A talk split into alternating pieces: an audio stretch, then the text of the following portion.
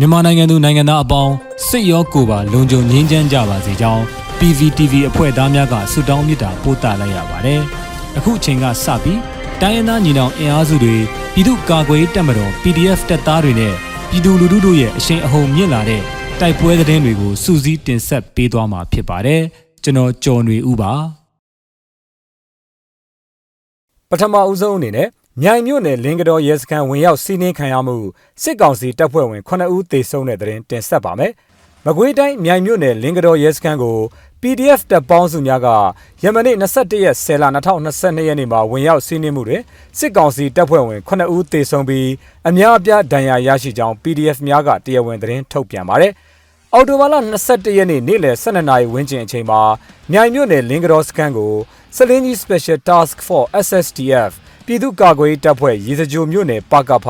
မြိုင်ပြည်သူ့ကာကွယ်ရေးတပ်ဖွဲ့ပကဖတရင်နှင့်နဲ့ Earthquake People's Defense Force ညီနောင်မဟာမိတ်အဖွဲ့တို့ပူးပေါင်းပြီးဝင်ရောက်စီးနင်းတိုက်ခိုက်ခဲ့ကြောင်းရဲစခန်းကိုတိုက်ခိုက်နေစဉ်မှာမွန်းလွဲ2နာရီခန့်အကြာတွင်စစ်ရဟတ်ယာဉ် MI-35 တစည်းဖြင့်အချက်ပေါင်းများစွာလာရောက်ပစ်ခတ်ခဲ့ကြောင်းသိရပါတယ်။ရဲစခန်းသိမ်းယူနေစဉ်မှာယမနေ့ညနေ6နာရီခွဲခန့်အကြာမှာလက်နက်ခဲယမ်းလိုအပ်ချက်အရစုခွာပေးခဲ့ရကြောင်းစစ်ကောင်စီတပ်ဖွဲ့ဝင်9ဦးသေဆုံးပြီးအများအပြားဒဏ်ရာရရှိကြောင်းသတင်းထုတ်ပြန်ထားပါတယ်။ ဆက်လက်ပြီးကံပက်လက်မှာစစ်ကောင်စီတပ်တိုက်ခိုက်ခံရပြီးနှစ်ဦးသေဆုံးတဲ့တဲ့ရင်တင်ဆက်ပါမယ်။ချင်းပြည်နယ်ကံပက်လက်မြို့ကျေးလက်ဖွံ့ဖြိုးရေးဦးစီးဌာနရုံးနဲ့မြို့မရဲစခန်းနားမှာအော်တိုဘာ22ရက်နေ့ကစစ်ကောင်စီတပ်ဖွဲ့နဲ့ CDF ကံပက်လက်တို့တိုက်ပွဲဖြစ်ပွားခဲ့တယ်လို့သိရပါဗျ။မနက်10:00နာရီလောက်ကနေမွန်းတက်12:00နာရီထိတိုက်ပွဲဖြစ်ပွားခဲ့ပြီးစစ်ကောင်စီတပ်ဖွဲ့ကဗိုလ်ကြီးအဆင့်ရှိသူအပါအဝင်တပ်ဖွဲ့ဝင်2ဦးသေဆုံးခဲ့တယ်လို့ CDF ကံပက်လက်တာဝန်ရှိသူကပြောပါတယ်။